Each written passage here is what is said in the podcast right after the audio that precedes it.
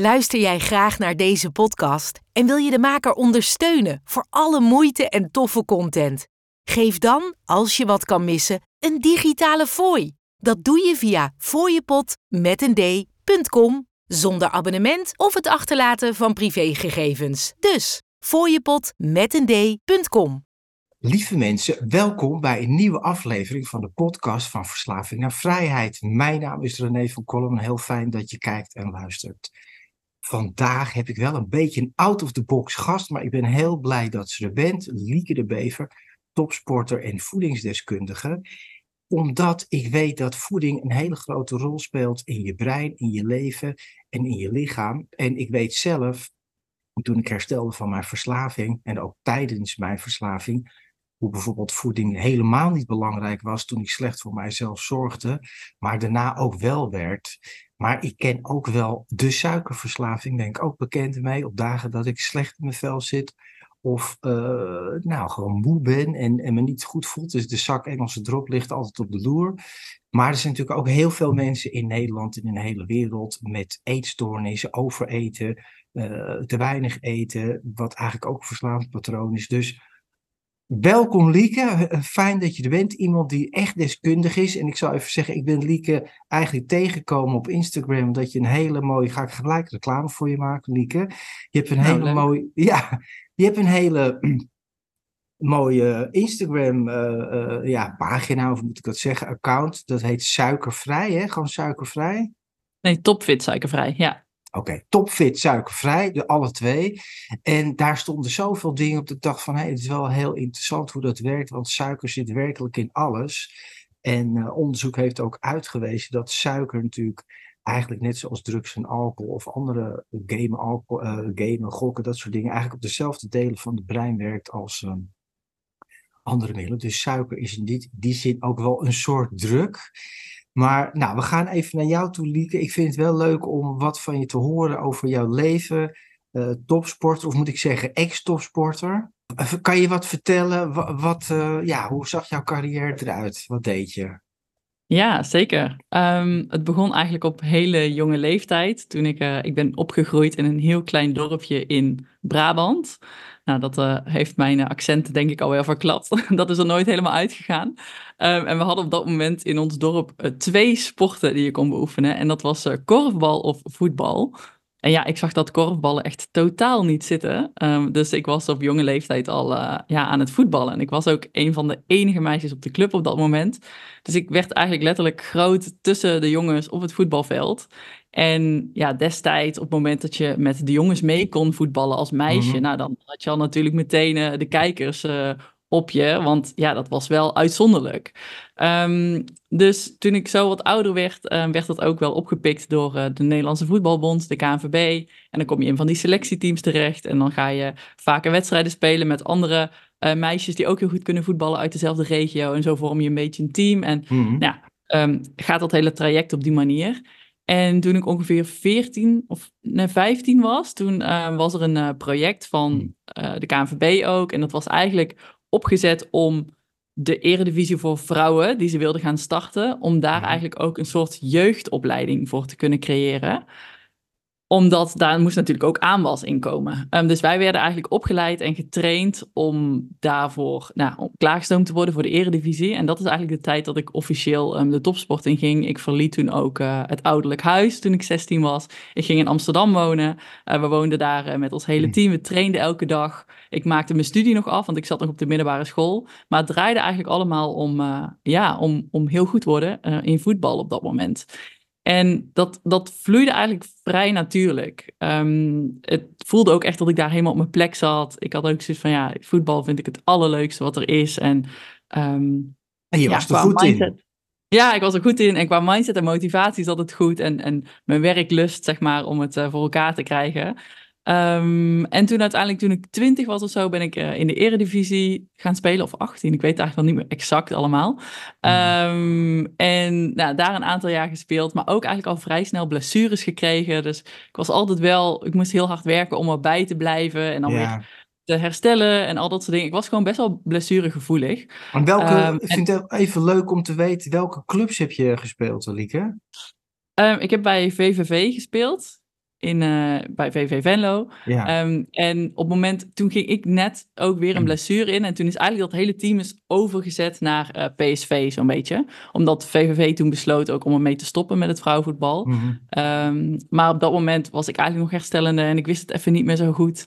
Um, dus ik heb nooit officieel voor PSV gespeeld. Maar dat was eigenlijk anders uh, de volgende stap geweest. en ik heb toen besloten juist om heel eventjes een stapje terug te zetten. En even te kijken van, hé, hey, waar, waar wil het leven mij naartoe brengen? -hmm. Um, en toen heb ik even een, een, gat gekend van één of twee jaar. En toen heb ik mijn huidige partner, man moet ik zeggen, uh, leren kennen. En hij zei, zou je het niet leuk vinden om uh, uh, een tijdje naar Australië te gaan met z'n tweeën? Het was, een, het was een beetje een complexe visa-situatie die wij hadden, want hij komt uit Argentinië. En ik kwam uit Nederland, dus we hadden allebei een ander paspoort, waardoor hij steeds maar drie maanden in Europa mocht blijven. En nou, we hadden al een jaar achter de rug waarin we een soort van overal over de hele wereld elkaar op gingen zoeken om dan maar weer één of twee weken bij elkaar te zijn. En dat uh, vakantie vieren op die manier, uh, dat, werd, dat was ook niet echt duurzaam, uh, kan ik zeggen. Nee, dus toen zei hij van, zouden we niet in, een tijdje in Australië gaan wonen, want daar konden we allebei een visum krijgen waarvoor we een jaar op dezelfde plek zouden kunnen blijven. Mm -hmm. En ik zat op dat moment ook best wel een beetje in dat, ja, al wel in dat zwarte gat, kan ik zeggen. Omdat ik wilde eigenlijk heel graag nog in de topsport, maar mijn lijf liet me eigenlijk een beetje in de steek. En ik wist niet wat ik dan moest doen. Uh, ja, ik had daar nog totaal nooit over nagedacht. Ik, ik volgde wel een studie, maar die vond ik ook niet echt leuk. Ik voelde me echt een beetje, ja, verloren. Ik voelde me Mhm. een beetje een topsporter die met pensioen was, die nog helemaal niet klaar was om ermee te stoppen. Um, en Nee. ik voelde me ook ja, ik had echt het idee van iedereen van mijn leeftijd op dat moment. Die waren allemaal aan het feesten. En weet je, die, die waren gewoon echt plezier aan het maken. En Ja. ik was daar helemaal niet mee in lijn op dat moment of zo. Dat was een hele andere, andere wavelength of zo waar ik zat. Dus ja, daar zat ik ook niet op mijn plek. Dus ik voelde me heel erg verloren. Um, en als hij we- zei Als we daar, ja, als we, ja, we hebben natuurlijk een, want eh, Lieke zit in Argentinië. Voor Ja. eh, eh, de liefde heeft daar naartoe gebracht, omdat we af en toe een beetje misschien niet gelijk op de lijn zitten. Maar als we het daarover hebben, in die, in die leeftijd, je viel eigenlijk door die blessures. Nou, voetbal is volgens mij per definitie echt een hele blessuregevoelige sport. Eh, Ja. eh, kniebanden, enkels en, en spieren en pezen. Maar dat zwarte gat en mensen om jou heen feesten, was jij zelf een type wat dan, nou ja, ging feesten of alcohol, of ben je er altijd ver vandaan gebleven? Ja, ik heb dat nooit echt heel erg leuk gevonden. Ehm, op de een of andere manier paste dat topsportleven, maar ook enorm. Want ja, ik was veel meer van de uitdaging daar vinden en het avontuur en zo. En iedereen die stond te feesten in een kroeg. Ik, ik begreep het ook gewoon niet zo. Ik dacht, hoe kunnen jullie dit nou leuk vinden? En dan weer helemaal zo laveloos eindigen en de volgende dag je zo slecht voelen. Ik heb dat nooit echt heel erg eh, kunnen waarderen. En ook op dat moment, nou, toen dat gat daar dus was, dat ik dacht, nou oké, dan ga ik maar gewoon eens even kijken of dit dan wel leuk is. Het heeft me nooit gegrepen en nee, het is dus nooit echt een, eh, ook nooit een uitvlucht voor me geweest, omdat ik dacht, ja, wat doe ik hier? Nee, en hoe, hoe ging je wel om met wat je zegt, een zwart gat? Hè? Ik kan me voorstellen als je zo gedreven bent in de sport en je kan het niet doen. Maar Hoe, hoe ging je ermee om? Ging je thuis zitten of ging je. Geen idee. Ja, ehm, op dat moment, toen ik dus een beetje zoekende was van, oké, wat, wat wil ik dan en wat doe ik dan? En ik was mijn studie nog aan het afmaken. Ehm, toen dacht ik, oké, ik heb natuurlijk altijd in, in het voetbalwereldje gezeten. Dus alle sport en al het trainen wat wij deden was heel specifiek gericht ook op sneller worden, eh, weet je, betere techniek. Het was Mhm. heel doelgericht op, op betere prestaties in het voetbal. Ehm, maar ik kan nu ook wel zeggen, ik vond niet dat wij destijds de meest afgetrainde selectie waren eh, van vrouwen die je van een eindje ziet en dat je denkt, zo, die zijn een partijtje fit. Ehm, dus ik had op dat moment dacht ik, oké, ik vind het eigenlijk wel leuk en interessant om dan een esthetisch fit doel na te streven. Ehm, en toen dacht ik, oké, dan begin ik gewoon mijn eigen uitdaging en dan ga ik me gewoon ontzettend fit trainen ehm, in de sportschool, totdat ik die soort van look die ik op dat moment voor ogen had, waarvan ik dacht, maar als je dat hebt, dan word je heel gelukkig. Dan ga ik dat nastreven. Ehm, dus dat werd een soort van mijn volgende uitdaging. En, en ik stortte me helemaal ehm, eigenlijk op het fitness en gezonde voeding. Ja, maar ik wou net zeggen, want was je daarvoor al eh, bewust van voeding, eh, eten, suiker, dat soort dingen? Was je daar vroeger mee bezig? Ja, ik, ik heb later nog een keer met een teamgenootje gespeeld of uh, gesproken. En zij zei: Ja, Lieke, je had altijd al die interesse in voeding. En Hm. ik kan me dat niet meer goed herinneren. Ik weet wel dat ik ooit op hele jonge leeftijd een boek kreeg, ook over voeding van iemand. En ik vond het echt mega fascinerend. Mhm. Dus het heeft er altijd wel in gezeten, denk ik. Ehm, dat ik gewoon. En ik vroeg me ook dingen af van: Ja, hoe kan het nu zo zijn dat de een iemand van mijn leeftijd, weet je, je, bent, eh, je zit in de puberteit, je, je gaat naar school, je ziet sommige kinderen steviger worden en andere kinderen niet. Weet je, hoe kan Mhm. dat? Wat is dat verschil? Wat creëert dat nou? Ik wilde dat weten, waarom dat zo was. En ja, de een die at eh, pasta voor de wedstrijd, maar een ander die at eh, yoghurt. En ik dacht, ja, er moet toch wel iets zijn wat soort van 1 en 1 maakt, maakt 3 of zo. Mhm. Er- Het is toch ook onze brandstof. En op dat moment, toen ik in de topsport zat, ja, toen werd er nog niet zo heel veel aandacht besteed aan, aan voeding. Eh, er was ook geen budget voor, maar ja, het was ook gewoon een beetje van, oké, dit is een lijst met gezonde producten en eh, hier, succes ermee. Ja. Maar als je het niet deed, was het natuurlijk ook prima. En er was eens in de zoveel tijd een soort van vetpercentage meting.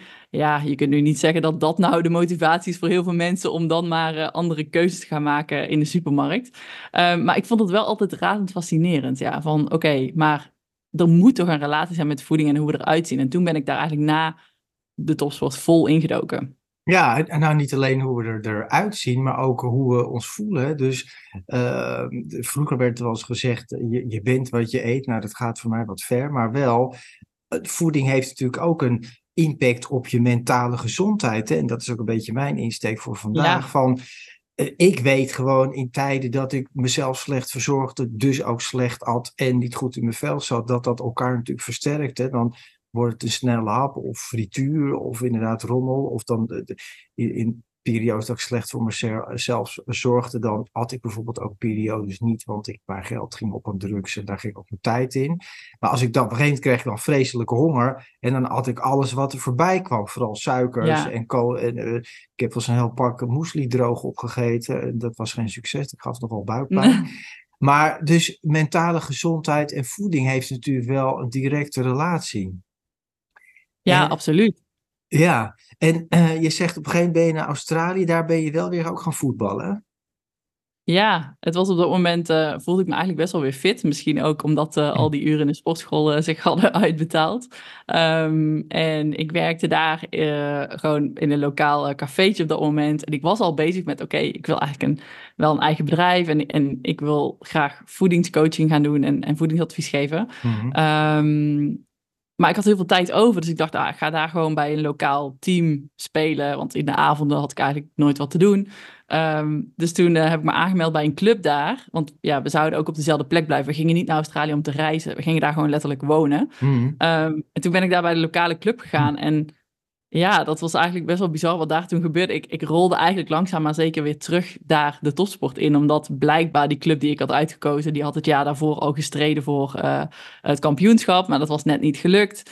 En ik kwam daar in dat team en ik werd topscorer. Ehm, ik werd speler van het jaar eh, bekroond. We werden dus kampioen. We Wauw. promoveerden. Eh, echt alles kwam samen. En dan ineens was daar ook weer ja, de, de aandacht voor... hé, hey, maar er is ineens een meisje uit Nederland... eh, en, en die domineert hier een beetje de competitie. Eh, volgens mij moeten we daar wat mee. En toen wist ik al wel dat er weer mogelijkheden waren om eigenlijk weer richting die topsport te gaan.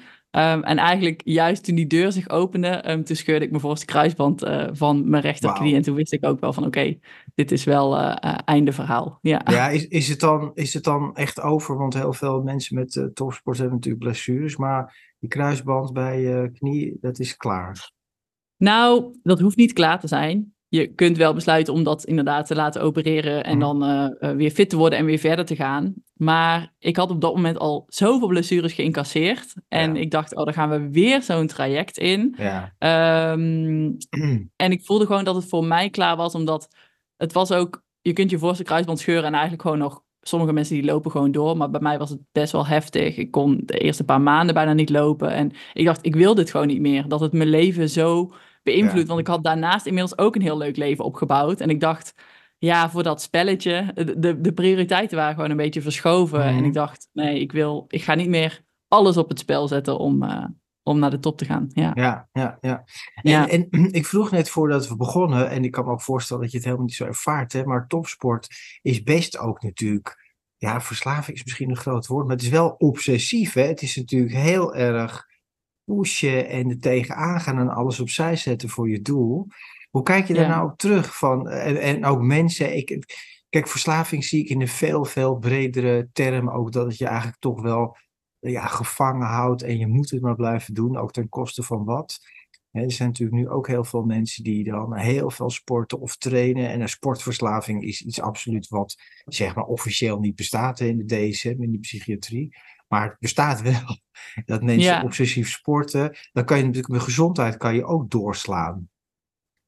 Absoluut. Ja. Ja, en, en jij bent zeg maar, nou ja, daar is je, je carrière ook gestopt. En toen ben je nog veel meer op die voedingsdeskundigheid gaan, gaan storten. En ehm, ja, wa- wat kom jij nou tegen? Wat voor, eh, wat voor problemen hebben mensen met voeding, zeg maar?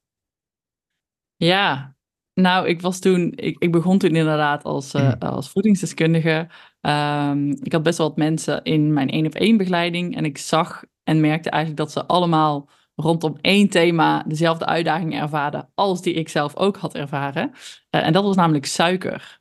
Ja, Dus ik begon wel te merken van, hé, hey, die suikers, weet je, da- da- daar zit iets. Nou ja, en wat ik al zei, dat had ik zelf ook al wel ervaren, eh, daar zit iets.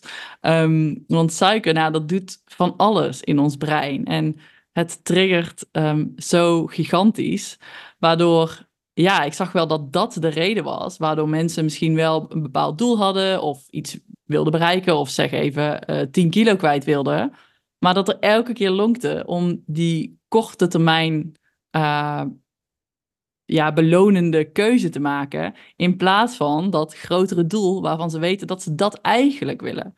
Ehm, en dat zag ik wel heel veel terugkomen, ja. ja nou ja, dat, dat is precies waarom ik je gevraagd heb. Suiker, ik zou zeggen, suiker is de poor man's cocaine. Hè, je kan het eh, overal bij Ja, de supermarkt.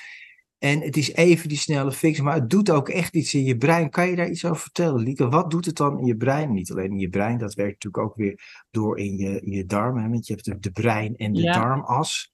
Ik weet er ook wat van, maar eh, kan je er iets over vertellen? Ja. Wat, doet, wat doet het in je brein? nou ja, op het moment dat je natuurlijk iets eet wat hoog in suiker is, dan gaan alle dopamine-receptoren zo'n beetje eh, slaan, eh, slaan eh, op tilt. Ehm, en dat geeft natuurlijk op de korte termijn echt een mega fijn, bevredigend, gelukzalig gevoel.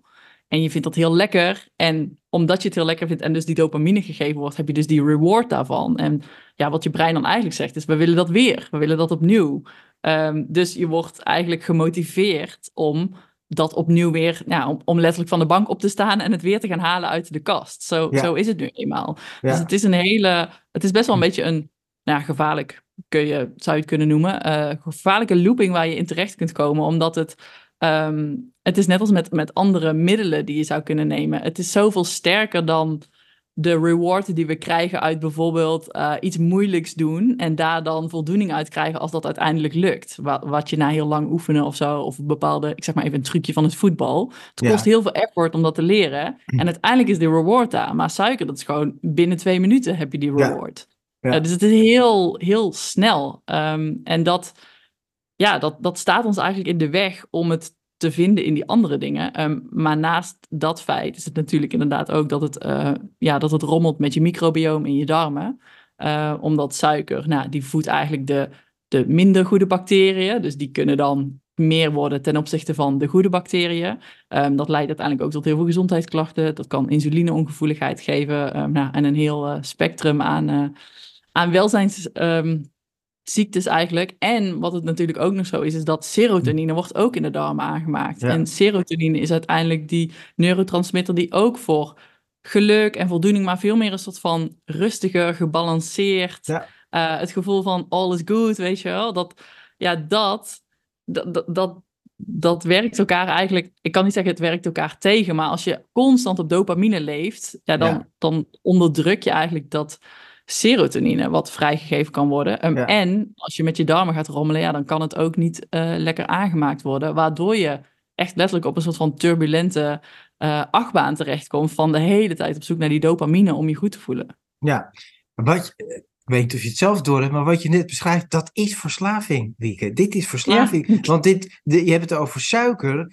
Maar dit werkt precies hetzelfde bij alcohol, drugs en wat dan ook. Hè? Dingen, zeker dingen Ja. die je inneemt. En, en het ontregelt het een, ontregelt het ander. Steeds die dopamine. En ik gaf net als voor, mijn bekende voorbeeld is er mensen die mij kennen, die kennen dat ook. Hè, de, de, Engelse, de zak Engelse drop. Terwijl zo lekker vind ik het niet eens. Maar ik ken die dagen. Dan heb ik veel gewerkt en dan moet ik terugrijden. En dan in de, eh, heel veel gepraat en gedaan in de auto. Dan is het stil, dan is het warm. En dan word ik wat moe en een beetje overprikkeld. Ja. En, eh, nou, en dan kom je bij een tankstation. Nou, al die tankstations en de supermarkten zijn natuurlijk ook ingericht om ons vooral dat soort voedsel te laten eten. Nou, Een tankstation helemaal. Daar ligt dan soms nog in een hoekje een appel en een banaan. Als je goed zoekt, maar meestal niet. Alleen maar suiker en chips. ja. Nou ja, en dan, eh, maar ik weet ook precies wat jij zegt. Hè, eh, eh, maar wat ik dus heb, dat is dan ook een verslavend patroon in mijn brein, wat ik herken. Ik denk dat heel veel mensen herkennen, is ook dat als ik zo'n zak koop, dan kan ik dus heel moeilijk stoppen. Ik kan eigenlijk, ja, dat klinkt misschien heel gek, maar eigenlijk weer helemaal niet. Ik kan heel moeilijk drie dropjes en dan denk ik, nou, dat was genoeg en nu stop ik ermee. Ik ga echt zo'n zak bijna tot de bodem gewoon leeggrazen. Ja. Maar dat heeft dus precies te maken met wat jij zegt, hè? die dopamine, het geeft even energie. En daarna voel ik me eigenlijk heel slecht en moe en word je daarna ook weer veel moeier dan ervoor was. Ja. Ja, het is super herkenbaar, denk ik. Ja, zeker. En ken jij het zelf ook? Heb jij periodes van topsporten, moet je natuurlijk ook heel veel, dat kost heel veel energie. Heb jij ook periodes gehad in je zwarte gat of wat dan ook, dat je dacht van nou, eh, ik koop chips en Ben Jerry's en geen reclame, maar andere dingen, ijs, van alles en nog wat en ik ga daarmee aan de haal? Ken je het zelf Nou, eigenlijk? Ja, absoluut. Mm. Ehm, de hele, het, het, het hele feit dat mijn platform bestaat, ehm, is omdat ik dat zelf ook heb ervaren wat, eh, wat suiker met je doet. En in de topsport was het eigenlijk op dat moment, wat ik al zei, er was gewoon niet zo heel veel aandacht voor voeding. Ik ben ook nog relatief slank gebouwd. Dus Ja. weet je, je zag het er toch niet aan af. En we sporten toch genoeg. Dat waren gewoon al een beetje de, de standaard ja, Ja. argumenten zou je kunnen zeggen, op basis waarvan je al helemaal zou kunnen zeggen van nou, het maakt niet uit en kies gewoon wat je lekker vindt en je hebt het toch ook nodig en zo. Nou, al dat soort eh, termen. Eh, maar ik, ver- ik voelde ook wel dat die behoefte aan zoet, die was elke dag heel erg groot. En Ja. ik omschreef mezelf gewoon als een zoete kou. En ja, dat hoorde nu eenmaal bij mij. En, en Ja. zo schreef ik dat een beetje weg. Alleen in die periode na de topsport, nou, toen werd dat wel ook uitvergroot. Want ja, inderdaad, je soort van eh, reden om, eh, om dat wat je doet op dagelijkse basis, die viel weg. Ehm, Ja. Een heel groot stuk van wat ik leuk vond, van mijn motivatie. Mijn routine, je, je dagelijkse ritme viel weg. Ehm, dus dat was een hele gekke periode. En toen merkte ik wel dat ik daar ook nog meer behoefte aan had. Juist. en toen ging ik die, ja, juist. En, en toen ging ik dus daarna dat, dat hele eh, fitnesswereldje in. En toen merkte ik ook van ja, oké, ik, ik ben dan wel zoveel aan het trainen en aan het sporten. Maar ondertussen, weet je wel, met die voeding wil het maar niet lukken. Want elke keer kies ik voor die zoetigheid. En wil ik daar meer van? En heb ik die controle niet en zo? En, en hoe kan dat nou toch? Ehm, dus ik vond het best wel fascinerend wat die suikers daarin eigenlijk allemaal met mij deden. En ja, achteraf gezien kan ik nu zeggen, toen ik er dus achter kwam wat suiker allemaal met me deed. eh, ja, toen veranderde echt een hele wereld, maar ook in mijn hoofd. Gewoon mijn hele denkpatroon en zo werden heel anders. En toen dacht ik, wow, als suiker dit al met mij doet, van iemand die toch eigenlijk nou ja, relatief tussen aanhalingstekens fit is, Ja, Ehm, en uit de topsport komt, weet je, wat doet het dan al niet met de gewone, de normale mens, om, om, Ja. om het zo maar even te zeggen, die, die niet zo actief sport en, eh, ja, en eigenlijk gewoon in de supermarkt koopt waar die zin in heeft. Zijn we ons wel bewust van wat suiker met ons doet? ja, nou ja. Ik ben wel heel benieuwd wat het, wat het met jou heeft gedaan en die omschakeling. En dat je dan zegt wat het met mijn hoofd deed en hoe dat anders werd. Maar ik denk dat er heel veel mensen, precies wat jij zegt, nou dat weet ik wel zeker, zich daar helemaal niet bewust van zijn. En eigenlijk ook helemaal niet eh, realiseren dat voeding en mentale gezondheid en goed in je vel zitten. En al die hormonen en stofjes en alles wat daarmee te maken heeft, dat het een hele grote eh, relatie met elkaar heeft. Dat weten mensen gewoon niet. Absoluut. Nee, absoluut. Nee, nee. Het is allemaal de quick fix, wat, hè, daarom heb ik je ook uitgenodigd en daarom wil ik er toch een keer over beginnen. Wat in principe ook gewoon een verslavend patroon is. En het zijn er geen mensen die onder de brug liggen, maar het zijn wel mensen, als je ziet hoeveel mensen er, nou inderdaad, diabetes hebben en ook steeds jongere kinderen, overgewicht, Mhm. hartklachten, ontstekingen, al die, al die dingen die je er op latere leeftijd van krijgt, maar ook depressie. Hè? Daar heeft natuurlijk ook direct mee te maken. En hoe merkte jij dat je mindset ging veranderen, zeg maar? Je kwam erachter wat het met je deed en ook hoe merkte je dat? Hoe speelde zich dat af? Ja, ik heb toen dus zelf besloten om eens uh, een hele periode geen toegevoegde suikers te eten. Um, en ja, toen merkte ik gewoon dat er zoveel dingen uh, intern ook bij me veranderden. En in eerste instantie natuurlijk fysiek die me opgingen vallen. Dus ik dacht, oh, hè, weet je, dat, dat opgeblazen gevoel en zo, uh, dat verdween. Um, ik merkte hm. dat dat uiterlijk waar ik zo naar op zoek was en, en dat, dat afgetrainde en dat, dat vetjes, weet je wel, die zo op die plekken zitten waar je er niet blij van wordt, dat dat eigenlijk ook als de sneeuw voor de zon uh, verdween en dat dat wegsmelte, dat ik veel beter verzadigd was, veel langer verzadigd was, um, in plaats van dat ik het idee had dat ik iedere anderhalf, twee uur wel wat moest eten. Mm-hmm. Ik die altijd honger had, weet je, dat, dat werd ineens ook veel stabieler. Mijn gemoedstoestand werd veel stabieler. Ik merkte gewoon dat ik dacht, oh, weet je, ik ik, ik fiets gewoon een beetje door mijn dagen en het is allemaal goed. En um, ja, het is allemaal gewoon niet zo heftig en zo turbulent. Um, nou, daar kwam ik dus achter dat ik daar zelf uh, uh, debet aan was. Um, en wat ik dus vooral ook merkte is dat voorheen waren mijn gedachten ook steeds bij eten. En dan dacht ik, oh, en dan kan ik zo dit nog wel even eten. En dan ga ik dus straks naar huis en zal ik dan nog even langs het tankstation. En al, dat, al die gedachten de hele tijd. Daar ben je gewoon de hele tijd mee een soort van battle aan het voeren. En nou, dat, dat verdween gewoon. En ik dacht ineens, wat een rust is er in mijn hoofd. En ik heb gewoon die behoefte niet. En ja, ik merkte zelfs dat er momenten waren dat iemand me wat aanbood. En waar ik altijd ja had gezegd, dacht ik gewoon, ja, ik heb er eigenlijk gewoon niet zo'n trek in nu. En toen moest ik even mezelf knijpen van, is dit wel echt? Weet je, is dit wel... Ik kwam gewoon veel meer in mijn natuurlijke balans hm, van het kunnen luisteren naar mijn lichaam. En waar mijn lichaam ook echt ja, nodig had om zich goed te voelen. En het zei dus ook letterlijk nee tegen dat soort producten. Ehm, en toen dacht ik, oh wow, dit is echt fascinerend. En die afhankelijkheid van die zoetigheid, die verdween. Waar dat voorheen, dacht ik de hele dag aan, oké, en wat ga ik dan vandaag voor lekkers nemen? Want dat was mijn hoogtepunt van mijn dag.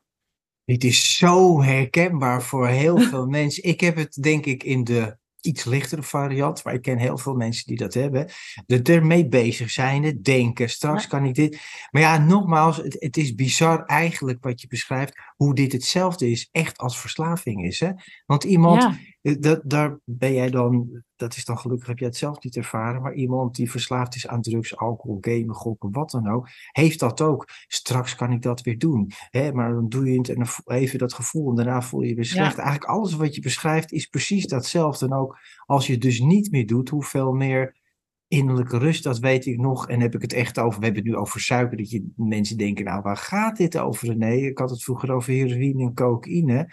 Maar mm. uh, het principe is wel hetzelfde. Ik weet ook toen ik echt stopte met alle middelen, dat ik dacht, wat een rust krijg ik terug in, uh, in mijn hoofd en mijn lijf. Hè? Wat een, wat, dus die onrust die het geeft, dat, dat doet die voeding en met name dan de suikers ook. Maar je zegt ook wel iets interessants, geen toegevoegde suikers.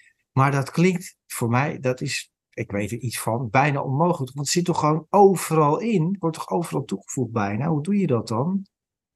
Nou ja, um, dat is inderdaad wel een beetje de overtuiging die er heerst. Maar wat het eigenlijk doet, is dat het je terugbrengt naar heel veel voeding die we eigenlijk bedoeld zijn uh, om te eten. Namelijk gewoon de voeding die uit de natuur komt en de meer onbewerkte voeding, zoals dat dan heet. Want ja, het zit in heel veel bewerkte producten, zoals dus inderdaad nou, alle zoete uh, producten, dat mogen overduidelijk zijn. Dus, ja. uh, de hagelslag en de ontbijtkoek en de koekjes. Maar waarvan we ook een cultuur hebben gecreëerd dat dat normaal is in Nederland. Dus ja, dat we ontbijten met zoete ontbijtproducten en dat je een koekje als tussendoortje moet eten. Uh, maar eigenlijk zit het niet in, um, in nou, kwark, melk, in eieren, uh, in vlees, in, in ja. vis, um, ja, in, in granen die we gewoon kunnen eten, noten, pilvruchten, allemaal dat soort uh, producten die veel meer bij de basis staan. En als je daar naar terugkeert, dan ga je dus voelen wat dat, um, wat het aan positiviteit doet. Maar in eerste instantie denk je alleen maar, oh, het wordt me allemaal afgenomen, want dan kan ik inderdaad niks meer eten, niks meer dat lekker is en al dat soort zaken. Um, maar, uh, en groente en fruit natuurlijk, die vergeet ja. ik helemaal te noemen. Maar het, op het moment dat ik het heb over suiker, dan heb ik het ook alleen maar over toegevoegde suikers. En niet de suikers die in fruit zitten of die inderdaad in je bakje kwark zitten, die er van nature in aanwezig zijn. Want die zijn helemaal niet belangrijk. Die doen dit niet in deze mate. Nee, nee, en dat is een heel groot verschil. Nou, dat weet ik zelf ja. ook wel. Maar het is natuurlijk al, het gaat altijd hand in hand. Hè. Wat ik zelf ook ken is de kunst is natuurlijk, als je niet goed in je vel zit, hetzelfde als met alcohol en drugs, om dat Mhm. moment niet te pakken. En wat, wat heb jij gedaan, zeg maar, ja, om eraf te komen klinkt heel zwaar, maar om daaruit te komen, want ja, als je dat gewend bent, jarenlang, over al mijn hele leven, en dan zeg je van, ik ga het niet meer doen, maar dan krijg je natuurlijk ook dips of vermoeidheid of slechte momenten. Eh, wat, wat, eh, wat deed jij dan om daar doorheen te gaan, zeg maar? Hè, voor mensen die luisteren die dit heel moeilijk vinden. Ja, nou ja, het is inderdaad ook eh, erkennen dat je waarschijnlijk in een soort van afkikprocesje komt. Wat heel veel mensen ervaren is inderdaad hoofdpijn. eh, binnen de eerste twee dagen vaak al. Mhm. Alleen heel veel mensen die balen daar dan altijd van. Maar ik zeg dan, het is, het is zo mooi dat je dat ervaart. Want je voelt dat je lijf aan het werken is. Je voelt dat, weet je, dat er iets positiefs gebeurt. Als in, je, je lichaam is aan het opschonen en daardoor ervaar je dit. Dus het is Ja. ook van hoe kijk je daarna? Of kun je meteen, ga je meteen in dat gevoel van, oh, maar nu heb ik hoofdpijn, dus dan kan ik het niet. Weet je wel, dan laat maar, want ik wil me niet zo voelen. Ja, dan ga je natuurlijk weer teruggrijpen.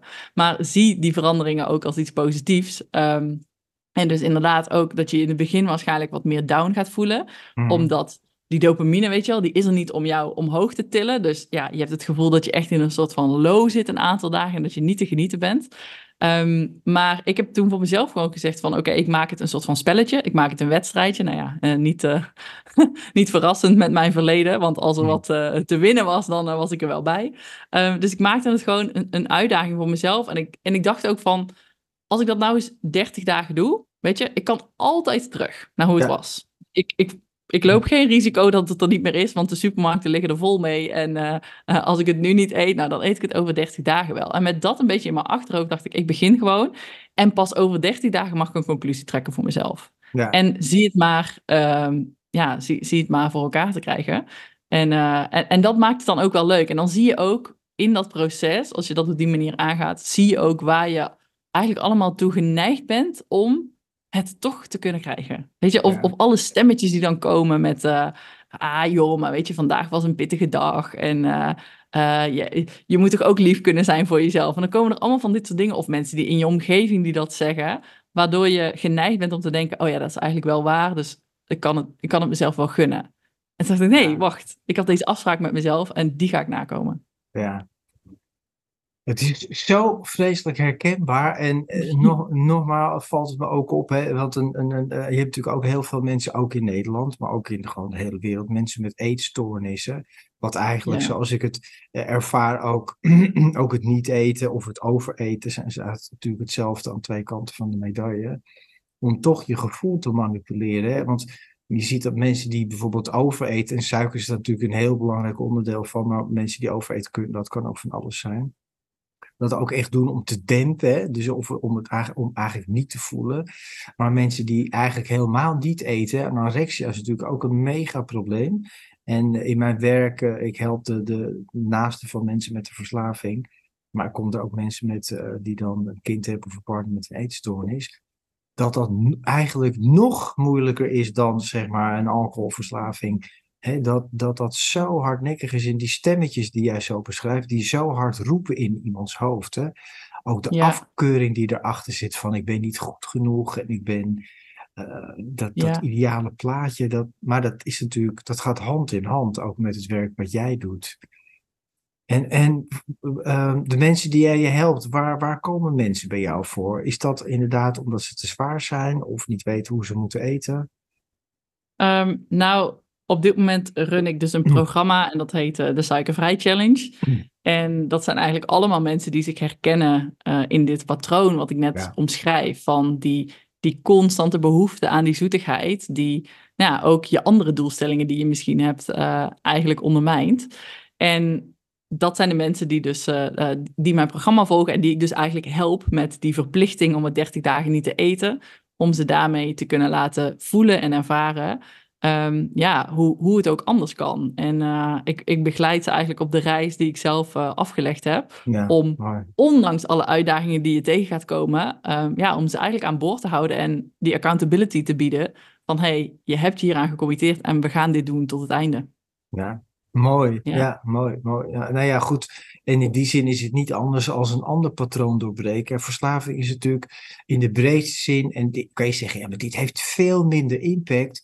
Nou ja en nee, denk ik dan. Want uh, ziekenhuizen, ja, er is geen oordeel, maar liggen vol met, met mensen die door een levensstijl uh, toch in allerlei dingen te, uh, te zwaar, hartklachten, artrose, allemaal, maar ook dementie volgens mij zelfs en Parkinson en dat soort dingen. Het heeft ook zoveel met voeding en levensstijl te maken.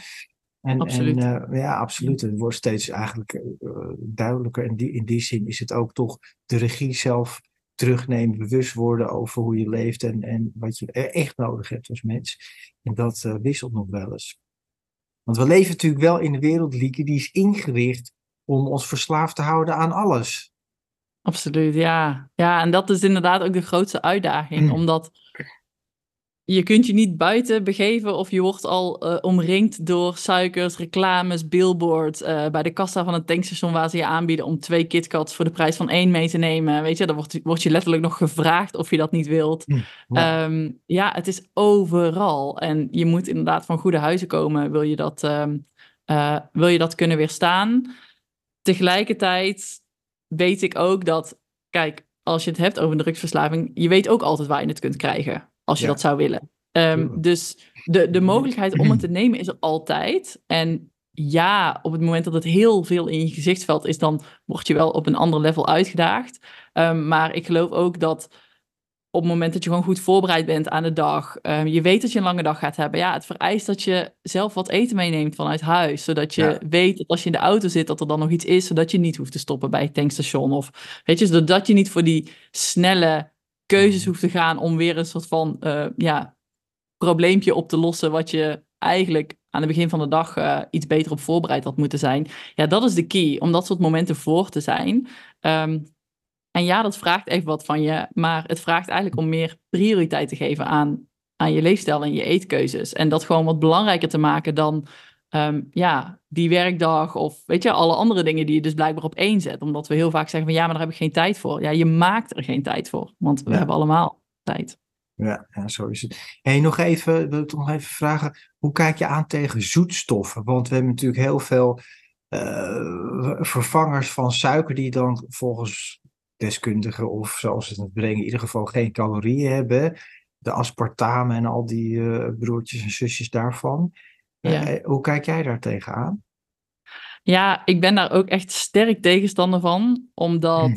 wat ik heb gezien, en zeker ook in die periode dat ik dus heel erg in die fitnesswereld terecht kwam, ja. toen ging het inderdaad ook allemaal over calorieën en uh, dan werd alles zo'n beetje wel zoetstof gezoet en heel veel mensen ook op mijn platform die herkennen het en het zijn allemaal die producten die je nu eigenlijk een beetje in de mainstream supermarkt ziet. Van de ja. high pro uh, bananen, weet ik het, uh, caramel toetjes, weet je wel. En allemaal uh, hoog in eiwitten en geen suiker aanwezig. Ja. En trouwens, het hele supermarktschap verandert momenteel naar zit geen suiker in, zit geen suiker in. Maar ja, het zijn wel koekjes en het is nog steeds hagelslag, weet je. Dus hoe kan dat dan? Wat zit daar dan in? Ja, er zitten allemaal zoetstoffen in. En wat ik gewoon heel erg heb gezien en zelf heb ervaren, is dat zoetstoffen eigenlijk uiteindelijk hetzelfde mechanisme in stand houden mm. van die constante behoefte aan zoetigheid. Je wil constant meer daarvan, omdat het je smaakpapillen ook zo'n bombardement geven. Omdat ze veel zoeter zijn eigenlijk dan, dan suiker, waardoor je er ook weer steeds meer van wil. Uh, je gaat op een gegeven moment alles wil je zoet. Dus mensen doen dat in hun kwark en ze doen het uh, in, in ons drinken doen we het. En inderdaad in die toetjes en, en het houdt niet op. Dus je bent er constant nog steeds op zoek naar en het, en het verzadigt niet. Dus uh, de, de hunkering naar, die blijft enorm. De gedachten aan, die blijven enorm. De porties worden steeds groter. Dus ik snap in dat opzicht niet waarom het anders is dan suiker. Ja, het heeft dan niet de calorieën. Maar als je niet in deze realiteit wil leven, ja, dan moet je er absoluut van wegblijven.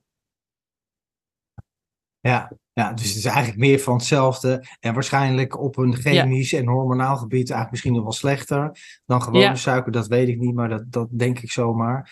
En uh, dus dat is ook geen oplossing. En um, ja, nog even, nog even over jezelf. Um, hoe ziet jouw leven er nu uit? Want ik vind, we hebben al heel veel zo suikers uh, de revue laten passeren. En ik vind nogmaals mensen, Topfit Suikervrij is een mooie Instagram pagina om te volgen. Omdat je daar heel veel bewustzijn in krijgt. Ik, ik had als voorbeeld net even, ik weet eigenlijk niet wat het al gezegd heb. We hebben toen pas kerstmis gehad. En dan hadden we de kerstbrood aan de ene kant en de gezonde reep aan de andere kant. Maar die gezonde reep zat alleen veel meer suiker in dan de kerstbrood. Nou ja, zo ja. kom je ook achter dingen. En je woont nu in Argentinië en dus je doet alles online qua werk?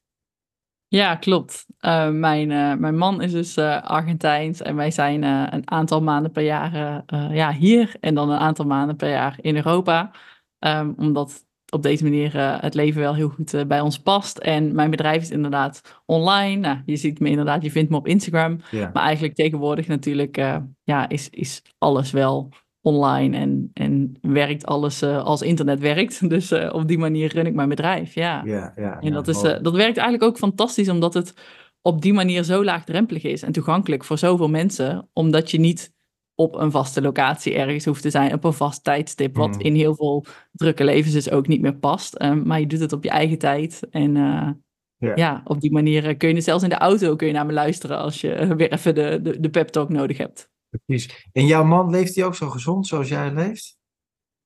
Ja, die is wel redelijk mee aan boord, ja. Die, uh, die was al ook al wel, um, die sportte ook al veel en, en, die was ook al wel gezond aan het leven, maar die heeft door mij nog wel uh, uh, ja, een extra dimensie, denk ik, van bewustwording gekregen. Ja. Oké, okay, mooi, mooi. Oké, nou Lieke, ik wil je bedanken. Je hebt eigenlijk heel veel verteld, wat voor mij gewoon eigenlijk hetzelfde is als verslaving. Dus eten kan ook verslaving zijn en suiker is daar natuurlijk het hoofdcomponent van.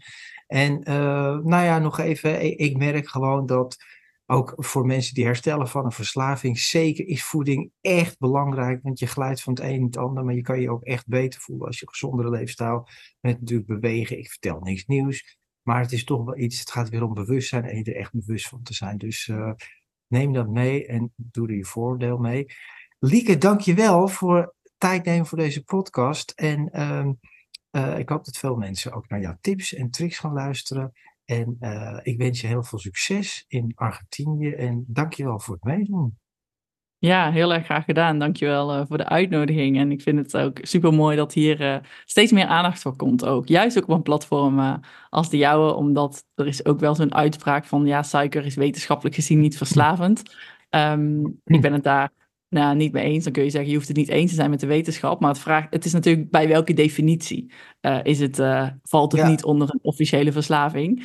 En uh, ik vind het belangrijk om, ja, om dit op de kaart te zetten, omdat ik dus zie dat heel veel mensen op deze manier gebukt gaan onder, onder hun eigen eetkeuze en wat het allemaal met je doet. En dat ik denk, oh, er is echt licht aan het einde van de tunnel als je, als je hier bewust van wordt. Ja, ja nou dus, precies. Ik ben blij. Ja, nou graag gedaan. En, en jij dank wel. Ik ben blij dat je het zegt. Want ja, bewezen en sorry, alle geleerde mensen uh, ter spijt. Maar we weten allemaal dat voeding een heel verslavende werking kan hebben. En als je niet goed in je vel zit, nou, we hebben het eigenlijk al erover gehad in deze podcast. Dus het is wel degelijk een patroon wat je kan doorbreken en jezelf veel beter kan laten voelen. Dus nou, voor alle mensen die kijken en luisteren, dank je wel. Deel dit ook. Neem het gewoon mee in je eigen bewustzijn. Zeker als jij een, een, iemand bent die herstelt van de verslaving, is gezonde voeding echt belangrijk. Maar ook als naaste van, zorg goed voor jezelf. Neem de tips van Lieke mee.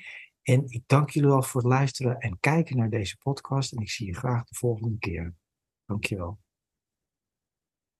Luister je graag naar deze podcast? Laat de maker weten dat je waardeert wat hij of zij doet en geef een digitale fooi.